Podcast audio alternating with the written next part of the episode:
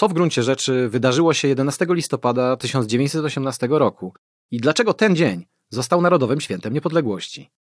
W jakich warunkach powstawała nowa Europa po I wojnie światowej i czy burzliwe losy naszego kraju w latach 1918-23 były na tym tle wyjątkowe? Czy odrodzona Polska była pomysłem elit, które siłą narzuciły swoją wizję ludowi?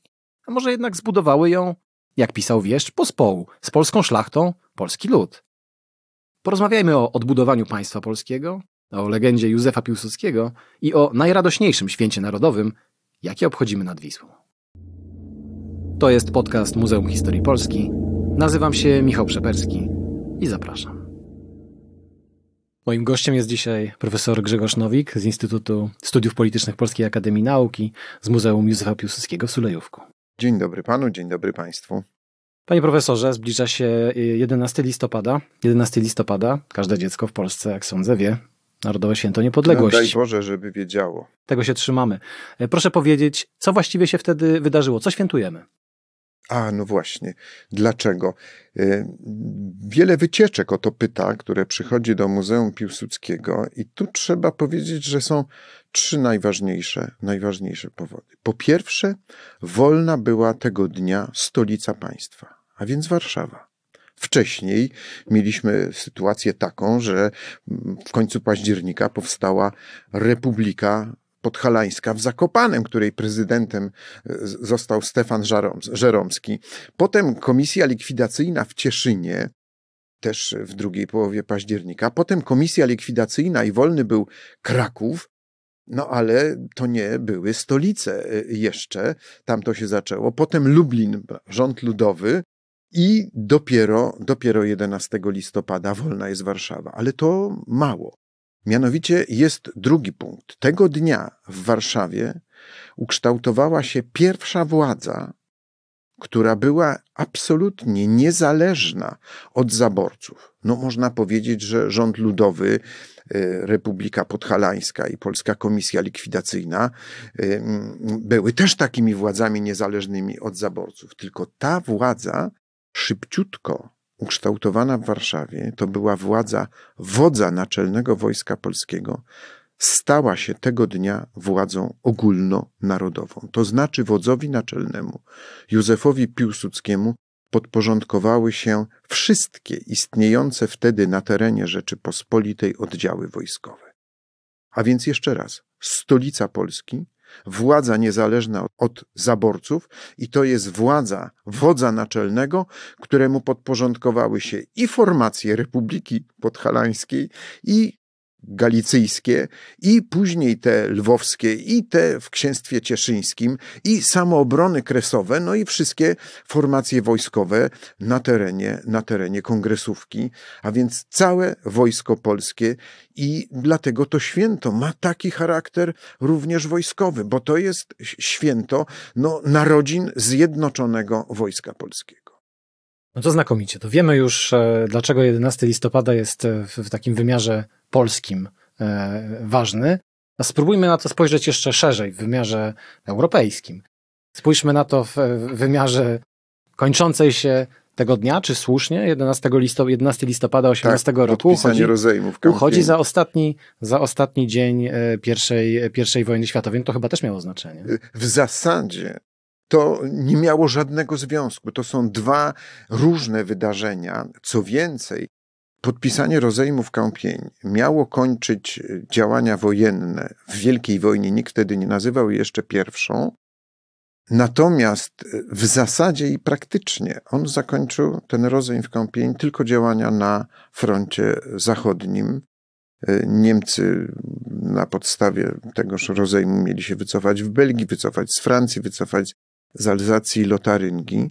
Natomiast w tym samym czasie, w tej części Europy, w której my żyjemy, czyli mniej więcej od Bałtyku po e, również Morze Północne, ale dalej na południe po Morze Czarne i po e, Adriatyk i, i dalej Morze Egejskie, a więc przez całe Bałkany i środkową Europę rozpętała się wojna, wojna, no nie tak prosta w układzie politycznym, jak ta e, wielka wojna, gdzie były mocarstwa Antanty i państwa centralne, rozpoczęła się wojna o schedę po upadłych mocarstwach, po Imperium Osmańskim, po Imperium Rosyjskim Romanowych, po rozpadzie Austro-Węgier, po no, klęsce Niemiec e, w Wielkiej Wojnie i to była wojna na dobrą sprawę każdego z każdym, bo powiedzmy od e,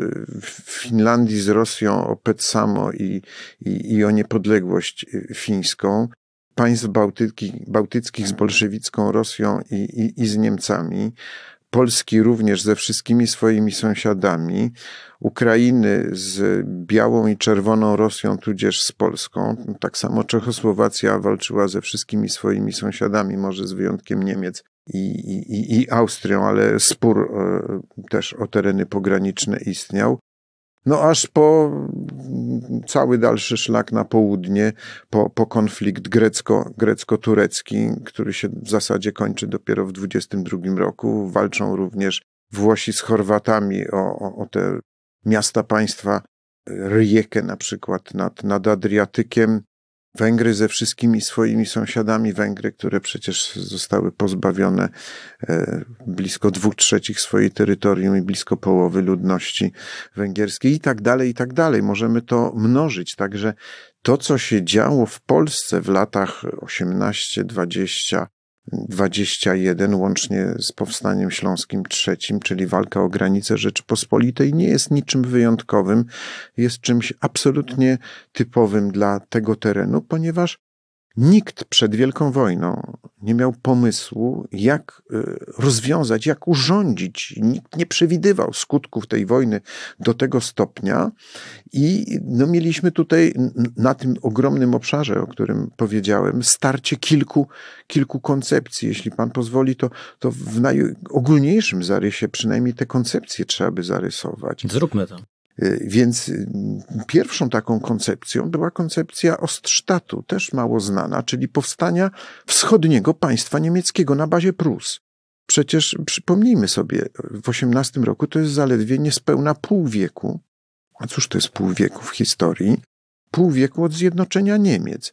A więc Prusy chciały się oddzielić od Republiki Weimarskiej, przynajmniej część polityków o czymś takim marzyła. Niech Republika Weimarska zapłaci koszty wojny na e, Zachodzie, a my tutaj stworzymy na bazie Prus e, państwo wschodnie niemieckie, które będzie jeszcze wchłonie Kurlandię i, i, i to wszystko, co, co, co jest nad Bałtykiem. Co było tym bardziej możliwe, że przecież w marcu 18 roku Niemcy podpisały korzystny rozejm z Rosją. No tak, no, traktat w zasadzie brzeski, pamiętajmy, że od Rygi aż po Rostów nad Donem, e, czyli po, po Morze niemalże Azowskie, e, armia niemiecka zwycięska, tam jest ponad, ponad 6 tysięcy wojsk e, niemieckich i austriackich i oni są panami sytuacji na wschodzie. To wojsko tam dalej niemieckie stacjonuje. A więc pierwsza koncepcja to jest od Ostsztatu. Druga koncepcja to była koncepcja e, no, Antanty pomocy w restytucji Białej Rosji. To jest stąd pomoc, prawda, i wojskom Judenicza e, na, na północy e, Rosji, Millera pod Archangelskiem, admirała Kołczaka na Syberii, generała Denikina na południu Rosji, a więc koncepcja odbudowy demokratycznej Rosji. No niestety naiwna Europa Zachodnia, elity wierzyły, że może w ogóle istnieć coś takiego jak demokratyczna, zwrócona pozytywnie ku Zachodowi Rosja. To jest druga koncepcja. Trzecia koncepcja to była koncepcja prezydenta e, Woodrow Wilsona, sformułowana e, w jego punktach programu pokojowego, 14 punktach, która e, początkowo nawet nie przewidywała rozpadu Austro-Węgier, tylko przekształcenie ich, no a później z niej się narodziła taka koncepcja stworzenia w dyskusji z Ententą małej Ententy, która by zapobiegła restytucji, restytucji no, tej groźnej monarchii austro-węgierskiej w centralnej i, i, środkowej Europie, a więc w ramach tej małej Ententy miały powstać takie państwa federacyjne, prawda, które były pupilami ówczesnej Europy, jak na przykład Czechosłowacja, w której Czesi stanowili mniejszość na narodową. Państwa zresztą, które nigdy wcześniej nie istniały, tak jak Królestwo Serbów, Chorwatów i Słoweńców, w, w których y, Serbowie takoż, jak i Czesi stanowili pewną mniejszość. I te dwa e, sztuczne państwa federacyjne, sklecone z taką myślą, że to może będzie już bardzo elegancko pod patronatem Ligi Narodów funkcjonować, one się dwukrotnie rozpadły w historii i śladu po nich nie zostało. Raz w czasie II wojny światowej, a pierwszy raz, a drugi raz już na naszych oczach e, w latach dziewięćdziesiątych i już e, śladu po tym nie ma, ale wtedy to byli, byli pupile, pupile Antanty, no rozumiem, że... które no, miały, miały, że tak powiem, uregulować tutaj te trudne i skomplikowane stosunki narodowościowe, bardzo przemieszane w tej części Europy. Ale to dopiero trzy koncepty. Rozumiem, że mamy jeszcze. Jeszcze dwa. Mhm. Kolejny koncept to jest koncept bolszewicki, y, koncept niezwykle rewolucyjny i zmierzający do zburzenia całego systemu tak zwanej starej Europy, starego ładu europejskiego, opartego na e, filozofii greckiej, na, na prawie rzymskim, na etyce judeochrześcijańskiej, na wreszcie no, zasadzie trójpodziału władzy, prawda, sądowniczej, e, wykonawczej, ustawodawczej. I ten y, pomysł, ten koncept zakładał budowę światowej a przynajmniej na razie Europejskiej Republiki Rad. I piątym konceptem w tym e, regionie, oprócz tych koncepcji nacjonalistycznych, które no w każdym z tych państw, które się odradzały czy powstawały po Wielkiej Wojnie tej części Europy, to była koncepcja Józefa Piłsudskiego budowy bloku państw między Bałtykiem a Morzem Czarnym, bloku, który obejmowałby wszystkich e, zainteresowanych obejmowałby około 100 milionów mieszkańców i mniej więcej rozciągający się na przestrzeni około tysiąca kilometrów, który mógłby zrównoważyć. Powstały oczywiście głównie na, na, na po rozpadzie, po pocięciu Rosji po szwach narodowościowych, który mógłby zrównoważyć potencjał Niemiec i, i, i Rosji. No niestety, mm, no, żaden z tych konceptów do końca y, nie został zrealizowany i mieliśmy dlatego takie krótkotrwałe status quo dwudziestolecia. Potem była znowu Wielka Wojna, dwa rewizjonistyczne imperia niemieckie i sowieckie so, sowieckiej Rosji, dodajmy, no, przystąpiły do realizacji swoich z kolei konceptów prawda, czy tysiącletnia Rzesza i, i, i rewolucja bolszewicka i, i, nowa, nowa światowa czy europejska republika rad. No i to się, proszę pana, no tak prze, przewałkowało przez ten region. Najpierw, najpierw w latach 18-23, a potem drugi raz w czasie II wojny światowej, no i w zasadzie kolejną przebudowę mm, tej części Europy, w której my żyjemy, mamy dopiero na przełomie lat 80. i 90., związaną no, z upadkiem reżimu sowieckiej, wcześniej nazywanej bolszewicką, bolszewicką Rosją. I w takich warunkach odradza się, odradza się Rzeczypospolita. To, co pan powiedział o takiej ogromnej skali czegoś, co Johann Boller nazywał e, właśnie europejską wojną domową na tym obszarze w, w Europy Środkowej. Nie on pierwszy, to fakt. Aczkolwiek na setną rocznicę e, odzyskania niepodległości przez Polskę w roku 2018 e, ukazała się jego książka, w której między innymi jedną z takich tez było to, że mm, odradzająca się, no w tym konkretnie Polska, że odradzająca się Polska była dużej mierze no, pewnym produktem marzeń elity, która to elita no, w niejako, nie wiem, czy, czy mogę użyć słowa wymusiła, no ale powiedzmy wyprojektowała e, coś, czego niekoniecznie życzył sobie lud. I takie podawał Boler przykłady, jak na przykład Wielkopolanie, jakoby e, właściwie no, dążący do tego, żeby uciec od e, Rzeszy Niemieckiej ze względu na jakąś niestabilną sytuację w Rzeszy, albo też e, galicyjscy e, chłopi, którzy e, no właściwie też tak do końca nie byli przekonani, czy oni są Polakami, czy nie są. I to jest pewnie niezwykle skomplikowane spojrzenie i pewnie historyk niemiecki, a historyk polski mogą też patrzeć na to inaczej. Mam przekonanie, że to, że to ma też swoje znaczenie, ale gdyby pan w jakiś sposób mógł to skomentować, czy to rzeczywiście jest tak, że Polska, która się odradza w 18 roku, jest produktem elit i kropka, czy to za łatwo powiedziane. No właśnie, ja na to spróbuję odpowiedzieć mm, stosunkowo, stosunkowo krótko, ale potem chciałbym, żebyśmy powiedzieli sobie o tym, jak skomplikowane były relacje i jak ogromne były różnice między poszczególnymi częściami odrodzonej Rzeczypospolitej pod każdym względem. Jakiejkolwiek byśmy miarki nie przyłożyli do tego.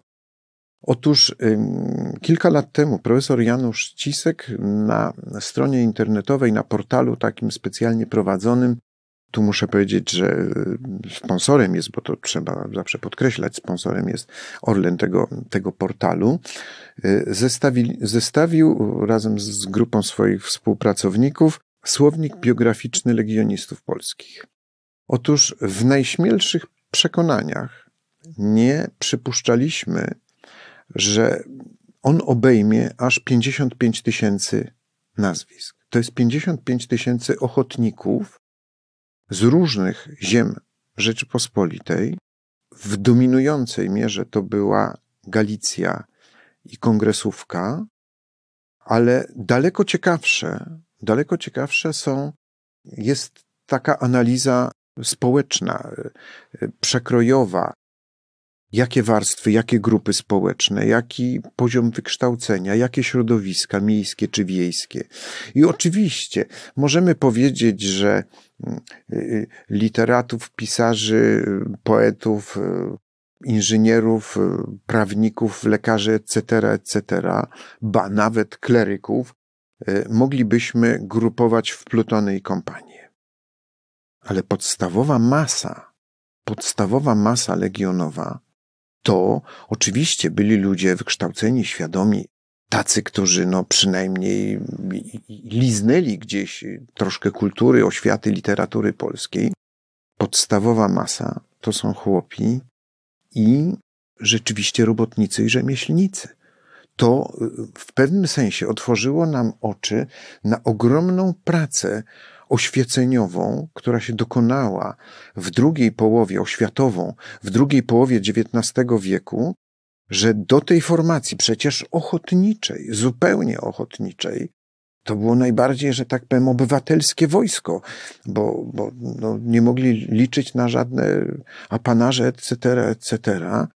I profity z tego wynikające, że objęło tak szeroki zasób społeczny, który no, był do pewnego stopnia odzwierciedleniem, odzwierciedleniem ówczesnego przekroju społecznego.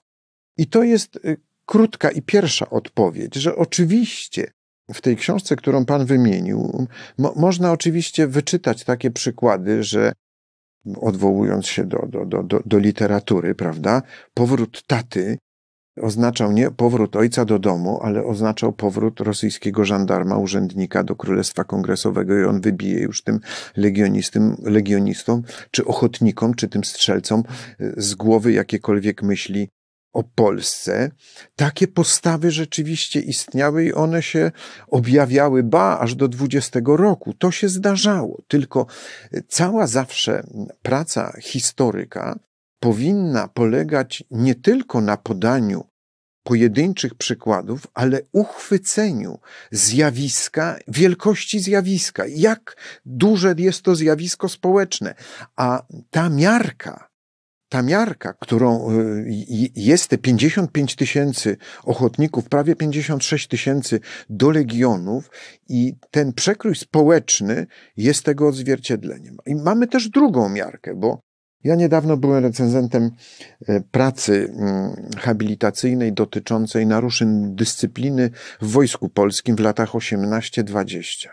I okazuje się, jeśli byśmy badali zjawisko na przykład dezercji z wojska e, polskiego, no to to, co się działo w carskiej Rosji, gdzie całe armie znikały, przecież one się rozchodziły do domu, mówię o białych, ale również i o czerwonych armiach, w chwilach klęski, o masowym poddawaniu się czy dezercjach. Jeśli pomyślimy, że po kolejnej ofensywie pod Caporetto y, armia włoska miała parę tysięcy rannych, kilkanaście tysięcy zaginionych i sto kilkadziesiąt tysięcy dezerterów, to pomyślmy sobie, że zjawisko no, największej, że tak powiem, dezercji czy rozbitków, no tak to byśmy szerzej potraktowali, w lipcu 20 roku w Polsce, które sięga od y, trzydziestu kilku do czterdziestu tysięcy mniej więcej, no może troszkę więcej, bo to trudno uchwytne zjawiska. W skali milionowej armii, to to jest jednak, y, jednak zaprzeczenie tego, co, co mielibyśmy, co, co, co, co stanowi tezę tegoż, tegoż właśnie mm, autora. Także y, nie byłbym, że tak powiem, takim e, pesymistą, ale e, mamy jeszcze odpowiedzieć na pytanie, co było, co było tym lepiszczem.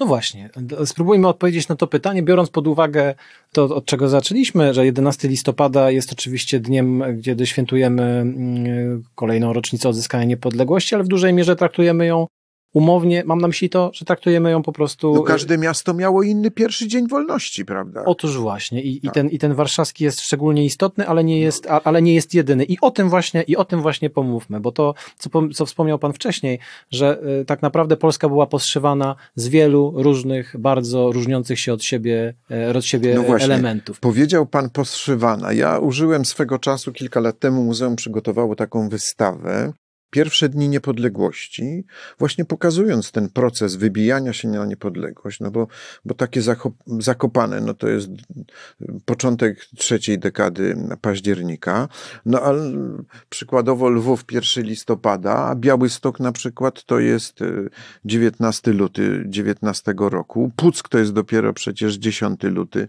20 roku, a Poznań... Styczeń 20 roku. No właśnie, czyli co, Pomorze gdzieś, tak? No właśnie, e, wejście Wojska Polskiego na Pomorze to jest 17 stycznia. Takie były ulice i niektórzy je łączyli z datą tak zwanego oswobodzenia Warszawy w 45 roku. No ale Poznań to jest 27 grudnia na przykład, prawda? Wilno to jest z kolei kwiecień, albo możemy powiedzieć noc sylwestrowa z 18 na 19 rok, więc te daty były różne. I myśmy przygotowując tę wystawę Pierwsze Dni Niepodległości, poświęcili specjalną planszę na tej wystawie, przygotowanej z Naczelną Dyrekcją Archiwów Państwowych, planszę, na której y, opisaliśmy Rzeczpospolitą, tą odradzającą się jako patchwork czyli taką tkaninę, myślę, że panie będą lepiej wiedziały może niż panowie, co to jest patchwork, taką tkaninę poszywaną, nawiązując do tego, co pan powiedział, poszywaną z kawałków materiału różnego kształtu, wielkości, faktury, koloru, no, czego by tam faktury, no nie wiem, jeszcze splotu nici i tak dalej, i tak dalej. Pytanie jest, czy ona się, że tak powiem, nie rozpadnie na te kawałeczki, jak ta wspomniana Czechosłowacja, czy Królestwo Serbów, Chorwatów i Słoweniów, Słoweńców, późniejsza Jugosławia, czy też wytrzyma te próby czasu, które przed nią, które przed nią stało. I ta, ta Rzeczypospolita różniła się w każdym swoim calu wszystkim czym można się było różnić i czego przeciętny słuchacz nie zdaje sobie sprawy. Na przykład to, że z prawej strony Wisły i z lewej strony Wisły były dwie odmienne szerokości torów kolejowych. Ba, to, że w Galicji, tudzież e, w okupowanej przez Austriaków części kongresówki, aż po linię Pilicy i Wieprza, a więc również w Kielcach i w Lublinie, obowiązywał na przykład ruch lewostronny. I ten ruch lewostronny obowiązywał nie tylko furmanki na ulicach i pieszych na chodnikach, ale obowiązywał na przykład również tramwaje i obowiązywał tory kolejowe. Przecież przejeżdżając pociąg z jednego zaboru do drugiego, musiał przejechać przez tak zwany rozjazd angielski i zmieniał e, bieg e, swój. W Warszawie mamy pętle tramwajowe. Nie wiem, jak w innych miastach to bywa. Ale na przykład w Krakowie są krańcówki. I w Krakowie, ze względu na konieczność przebudowy tych krańcówek, bo tam e, z jednego rozjazdu przejeżdżał na drugi tor, wjeżdżał na niego drugim rozjazdem, trzeba było zmienić układ tych krańcówek wszystkich. E, miasto Kraków otrzymało prolongatę kilkuletnią na to, żeby dopiero z podatków sfinansować te zmiany krańcówek to już mamy dwie podstawowe różnice, ale pomyślmy sobie, jak przeprowadzić reformę rolną, kiedy nie ma jednolitego systemu miar i wag. kiedy morga albo łan znaczy co innego, nie tylko w każdym zaborze, ale ba na poszczególnych ziemiach, bo jest łan chełmiński, wielkopolski, i, i, jest polski łan i, i, jeszcze inny, i to jest od kilkunastu do kilkudziesięciu, dwudziestu paru hektarów, kiedy morga, no my wiemy, że to jest około pół hektara, ale około znaczyło w każdym zaborze zupełnie co innego. Więc jak przeprowadzić reformę, kiedy są różne łany, różne morgi, a jeszcze hektara nie ma? Dopiero trzeba wprowadzić system metryczny z Sewr, żeby to można było ujednolicić i, i w ogóle mówić o jakichś wielkościach, które wszyscy w debacie publicznej w Sejmie chociażby, jeśli jest mowa o reformie rolnej, będą używali tego samego systemu. Ale to nie koniec jest. Jak zestawić mapy, kiedy mapy są według innych skal? W Rosji jest inny e, system miary, tam są tam są wiorsty, y, arszyny, załotniki, etc., etc., a już w Galicji i w zaborze pruskim dawnym są metry, bo tam już przyjęty jest system metryczny. W Sewr w Rosji nie. Ale to jeszcze jest mało. Mamy dwa odmienne południki zero. My dzisiaj wszyscy jesteśmy przekonani, że Greenwich, południk zero przechodzący przez to przedmieście wschodnie Londynu jest jedynym i oczywistym, ale nie, tak nie było. E, zanim Greenwich został wprowadzony, no to rywalizacja stara Hiszpanii, hiszpańskich Habsburgów z Wielką Brytanią spowodowało, że oni wyznaczyli na Wyspach Kanaryjskich inny południk zero, Ferro i wszystkie mapy austriackie były właśnie były właśnie liczone od zera, więc trzeba ujednolicić no, cały system, system map geometryczny. Wreszcie mamy inny system wagowy. Też nie mamy, nie tylko hektarów nie mamy, ale nie mamy kilogramów jeszcze. I funt, taka najbardziej popularna miara wagi, to jest od 408 do 480 gramów. Proszę sobie wyobrazić, jaki to raj dla różnego rodzaju kombinatorów i spekulantów. I Początkowo e, w odradzającej się Rzeczypospolitej myśmy mieli system utrzymania granic jeszcze celnych między poszczególnymi zaborami. Najwcześniej one zginęły między Galicją i Kongresówką. No, między Wielkopolską utrzymały się jeszcze przez rok, później jeszcze, jeszcze więcej. Ale to, to, to jeszcze jest nic. Nie mamy jednolitego systemu monetarnego. Nie mamy Banku Polskiego, jest kilka walut. W każdym zaborze jest inna waluta, a wraz z rozwojem Rzeczypospolitej mamy i ruble, mamy i monety austriackie, mamy monety e, ukraińskie różnego, różnego rodzaju, chrywny i karbowańce. Do tego dochodzi waluta w postaci dolara, franka wraz z napływem misji francuskiej i brytyjskiej pomocy żywnościowej amerykańskiej, e, więc no, absolutnie wszystko jest różne. Ale teraz co dalej jest jeszcze i odmienne, to jeszcze nie koniec jest. To są odmienne systemy prawne. I to jest nie tylko odmienny system prawny między Kongresówką, Galicją i Zaborzem, prawda, e, pruskim. Otóż inny jest system prawny na terenie Księstwa Cieszyńskiego, Inny jest system prawny w Galicji, inny jest w Kongresówce, gdzie obowiązuje kodeks cywilny Napoleona, inny obowiązuje tak zwany swot praw e, w dawnym cesarstwie rosyjskim, a więc już od Białostockiego na wschód e, mamy inny system. Pięć systemów prawnych. Opowiadał mi taki stary kolejarz, że jeżeli jechał pociąg na przykład z Rygi do Wiednia, to w zależności od tego, gdzie się wydarzył wypadek, procedury powypadkowe były rozpatrywane według pięciu rozmaitych systemów, sprawcy skarani według pięciu odmiennych kodeksów prawnych i odszkodowania wypłacane według pięciu odmiennych stawek. Panie profesorze, to. Więc co było z poiwem? Pytanie. To jest dokładnie to pytanie, więc pozwoli pan, że ja je zadam. Niech mi pan wyjaśni, skoro tak wszystko było to wszystko było z innej parafii. Każda z tych e, rzeczy, które pan wymieniła, tak zupełnie różna od tej drugiej i trzeciej. To no nie wierzę, że tym spoiwem był Józef Piłsudski.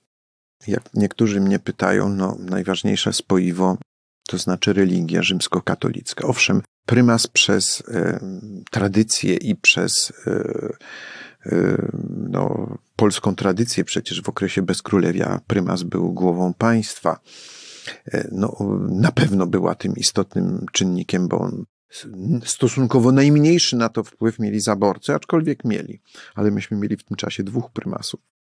Był prymas Królestwa Polskiego i był prymas w Gnieźnie. Więc zanim ujednoliciło się strukturę kościelną, to to też wszystko, wszystko potrwało. A przecież pamiętajmy, że mieliśmy e, i e, w księstwie cieszyńskim, i na Śląsku mieliśmy ewangelików, i w zaborze pruskim mieliśmy ewangelików, i na części Warmii i Mazur przyłączonej do Rzeczypospolitej kilka gmin, ale jednak też mieliśmy ewangelików, mieliśmy prawosławnych, mieliśmy polskich Tatarów, mieliśmy Karaimów, e, wreszcie no, ogromny odsetek, blisko 10% ludności żydowskiej, i to jest czynnik, który nie był czynnikiem integrującym. Więc co był tym czynnikiem? Jeszcze raz zatem muszę no zadać właśnie. to pytanie. Skoro e, czynnikiem e, integrującym, jeszcze to nam się udało ustalić, nie była religia, przynajmniej nie do końca. Była, ale nie do końca. Nie w pełni, nie przynajmniej nie w pełni. Czy istniał jeden albo grupa takich czynników, które rzeczywiście możemy uznać za integrujące w taki sposób bezdyskusyjny? W każdym zaborze, czy to w Poznaniu, czy w Toruniu, czy w Olsztynie, gdzie się odbywał też plebiscyt, prawda, czy na Śląsku, czy w Galicji, w Wilnie, w Lwowie, w Warszawie. Wszędzie czytano tego samego Sienkiewicza i Prusa. Wszędzie czytano tego samego Mickiewicza. Wszędzie słuchano tego samego Chopina. I wszędzie podziwiano obrazy tego samego Matejki i innych.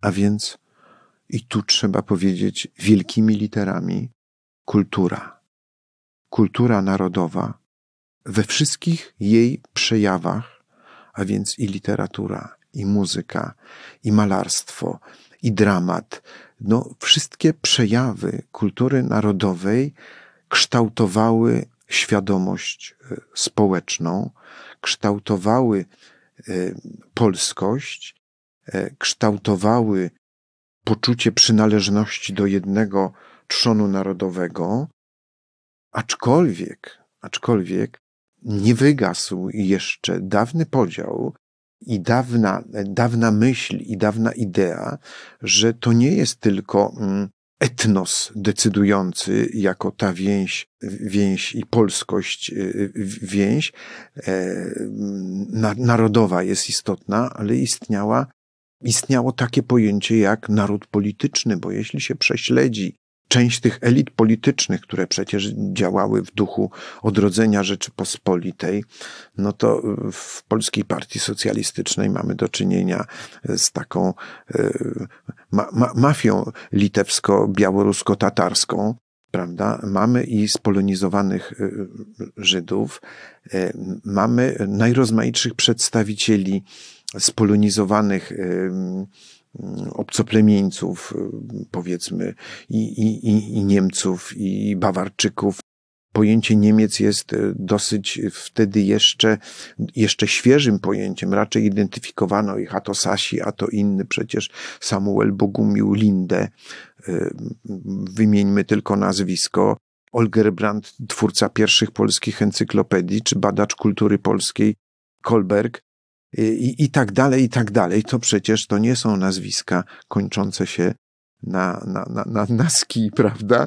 A więc y, no, coś, co możemy nazwać y, właśnie y, kulturą polityczną, która patrzy szerzej na Rzeczpospolitą, a nie tylko na etnos narodowy Polski, że to wykracza poza te ramy i na tym bazował, bazował koncept Józefa Piłsudskiego, budowy takiego bloku państw i narodów, które mm, no, będą nową, nową kreacją dawnej, dawnej Rzeczypospolitej.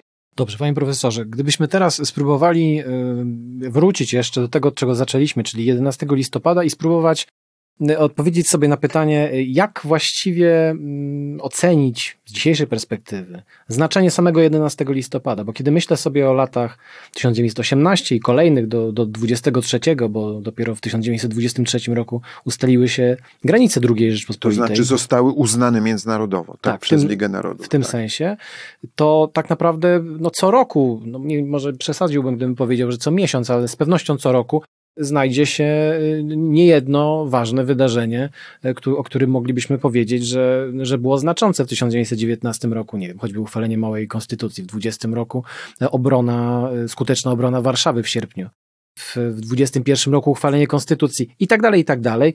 Czy na tle tych wydarzeń, tego pierwszego pięciolecia, bardzo burzliwego i złożonego, 11 listopada rzeczywiście jest tak istotny?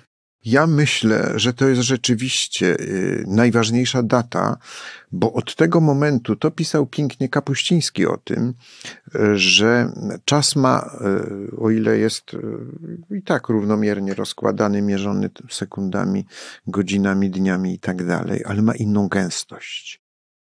I to, co się na, w polskiej historii zagęściło od y, tegoż 11 listopada i to jest jakby proces historyczny zaczął biec w drugą stronę w stosunku do czarnej dziury naszej historii, czyli całego XIX wieku, aż do początków rozbiorów możemy powiedzieć, że no, historia i zegar czasu zaczął się obracać w drugą stronę i przyspieszył gwałtownie. Możemy powiedzieć, że udało nam się w ciągu tych kilkunastu, kilkunastu miesięcy, może, może dwóch lat, odrobić całe XIX-stulecie, a przynajmniej zaczynać odrabiać całe XIX stulecie, bo przecież to jest tworzenie nowych instytucji, które nowoczesna Europa tworzyła w XIX wieku. To jest ogromny proces ujednolicania, scalania wszystkiego. Nie powiedzieliśmy na przykład o, o oświacie. No proszę sobie uzmysłowić, że w zaborze pruskim do szkół chodziło 90%, ale to była niemiecka szkoła, ponad 90%. W zaborze austriackim 60% w mieście, takich ludowych, powszechnych szkół, 30% na wsi. W zaborze rosyjskim to jest 30% w mieście, 15% na wsi, więc absolutnie powszechny analfabetyzm.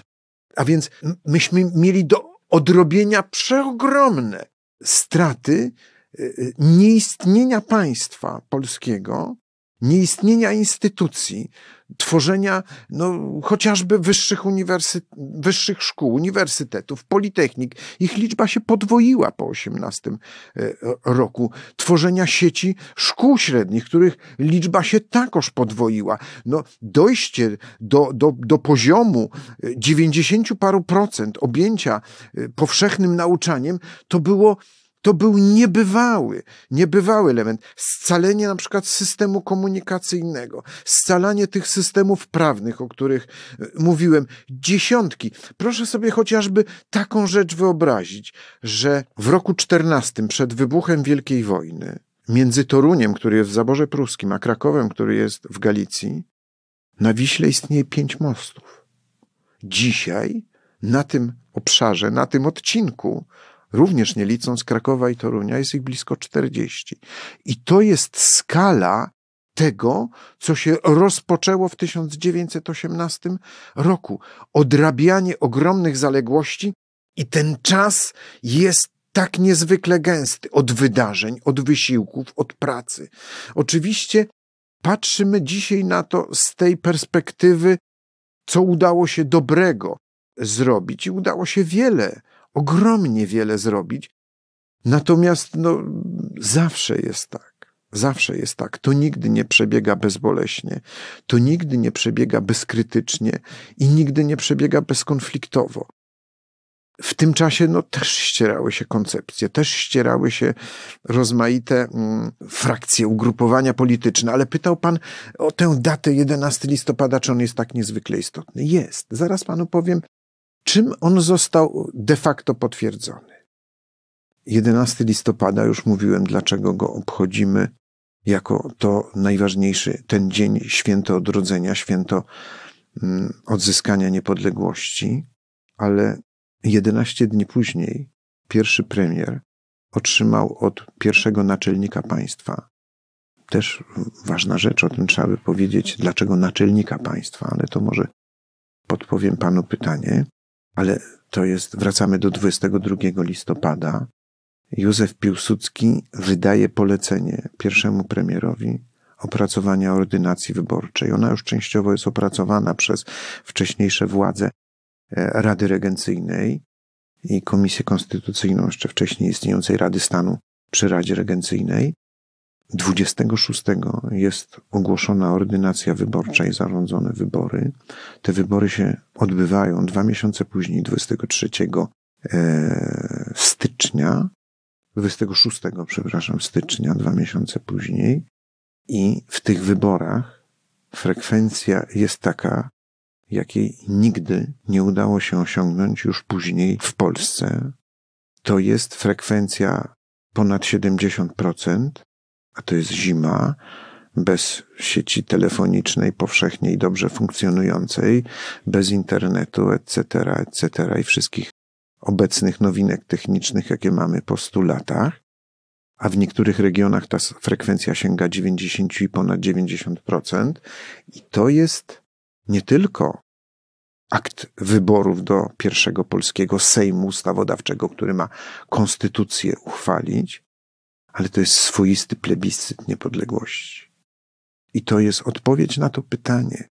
Czy tak to ówcześni obywatele Rzeczpospolitej traktowali? To jest odpowiedź również na to pytanie tego autora, którego pan pytał, ponieważ, no oczywiście, inny świat jest na terenie Wielkopolski czy przyłączonego w 22 roku części Górnego Śląska, a inaczej wygląda Polesie. To jest różnica 150-250 lat, jeśli chodzi o rozwój cywilizacyjny i poziom infrastruktury, jakiejkolwiek świadomości, etc., etc. Ale te wybory, styczniowe wybory w 19 roku, to jest głosowanie Polaków, obywateli Rzeczypospolitej za odrodzoną Rzeczypospolitą i to jest owoc 11 listopada. Dodajmy zresztą, że jest to, e, co ważne w kontekście e, całej Europy, właściwie nawet w globalnym kontekście, że było to głosowanie tak e, Polaków, jak i Polek, prawda? Tak, bo to, no, bo to, bo to a tu wynikało dotknął wprost. pan, dotknął pan istotnego problemu, o którym należałoby powiedzieć, bo to, co się stało również na przełomie XVIII i XIX roku, to jest jednocześnie największy przewrót społeczny, jaki dokonał się w dziejach Rzeczypospolitej po tym właśnie XIX-wiecznym uwłaszczeniu chłopów.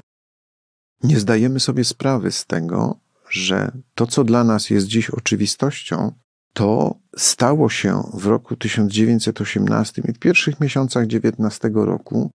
Ten wielki przewrót społeczny polegał na przyjęciu no, dużej części, ogromnej części programu paryskiego Polskiej Partii Socjalistycznej, jak chociażby ośmiogodzinny dzień pracy, który jest dla nas dziś czymś absolutnie normalnym, prawa polityczne kobiet, społeczne, wyborcze, obywatelskie, powszechne nauczanie, ubezpieczenia zdrowotne, dla wielu ówczesnych to, absolutnie. były, to były absolutnie rewolucyjne Ab, zmiany. Absolutnie rewolucyjne zmiany. Możemy powiedzieć, że tylko dwa, w zasadzie trzy elementy z tego programu e, paryskiego PPS-u nie zostały wprowadzone w życie. Pierwszy element to jest armia oparta na modelu szwajcarskim, czyli takie wojsko, że każdy karabin ma w domu i na ćwiczenia przychodzi jedynie. On został wprowadzony w inny sposób już w II Rzeczypospolitej na zasadzie e, powszechnego obowiązku przysposobienia wojskowego. I to przysposobienie wojskowe było organizowane głównie przez organizacje paramilitarne, głównie zresztą Związek Strzelecki to jest około 400 tysięcy młodych ludzi w latach 30., a więc więcej niż e, armia poborowa. I to było kształcenie przedpoborowych i y, utrzymywanie sprawności rezerw osobowych, a więc mm, inaczej to, ten, ten punkt dawnego programu PPS-u został zrealizowany. No i dwa pozostałe punkty, to znaczy nie przeprowadzono nacjonalizacji, czyli upaństwowienia środków produkcji i upaństwowienia ziemi. Y, Józef Piłsudski uważał, że to powinno zostać wprowadzone przez konstytuanty, czyli Sejm Ustawodawczy. I Sejm Ustawodawczy rzeczywiście podjął, przyjął um, najpierw uchwałę, a potem ustawę o realizacji e, reformy rolnej przed wojną, przed II wojną światową. Były liczne limity obejmujące około 300 tysięcy hektarów rocznie obowiązku parcelacyjnego i co roku tyle trzeba było sparcelować. Mało kto z nas zdaje sobie sprawę z tego, że na podstawie tej przedwojennej ustawy o reformie rolnej sparcelowanych zostało blisko 3 miliony hektarów, a po wojnie tylko dwa, bo stworzono PGR-y.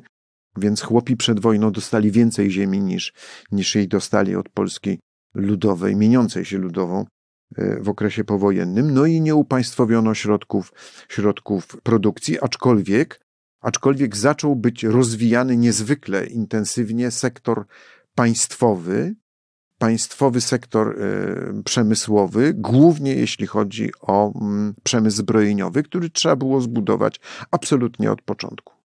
Panie profesorze, tak naprawdę mam poczucie, że poruszyliśmy bardzo, bardzo wiele wątków i jeszcze bardzo wiele pytań przychodzi mi do głowy, ale pozwolę sobie zadać jedno, jedno ostatnie, spróbując w jakimś sensie może trochę też, też podsumować losy 11 listopada jako święta narodowego w ogóle.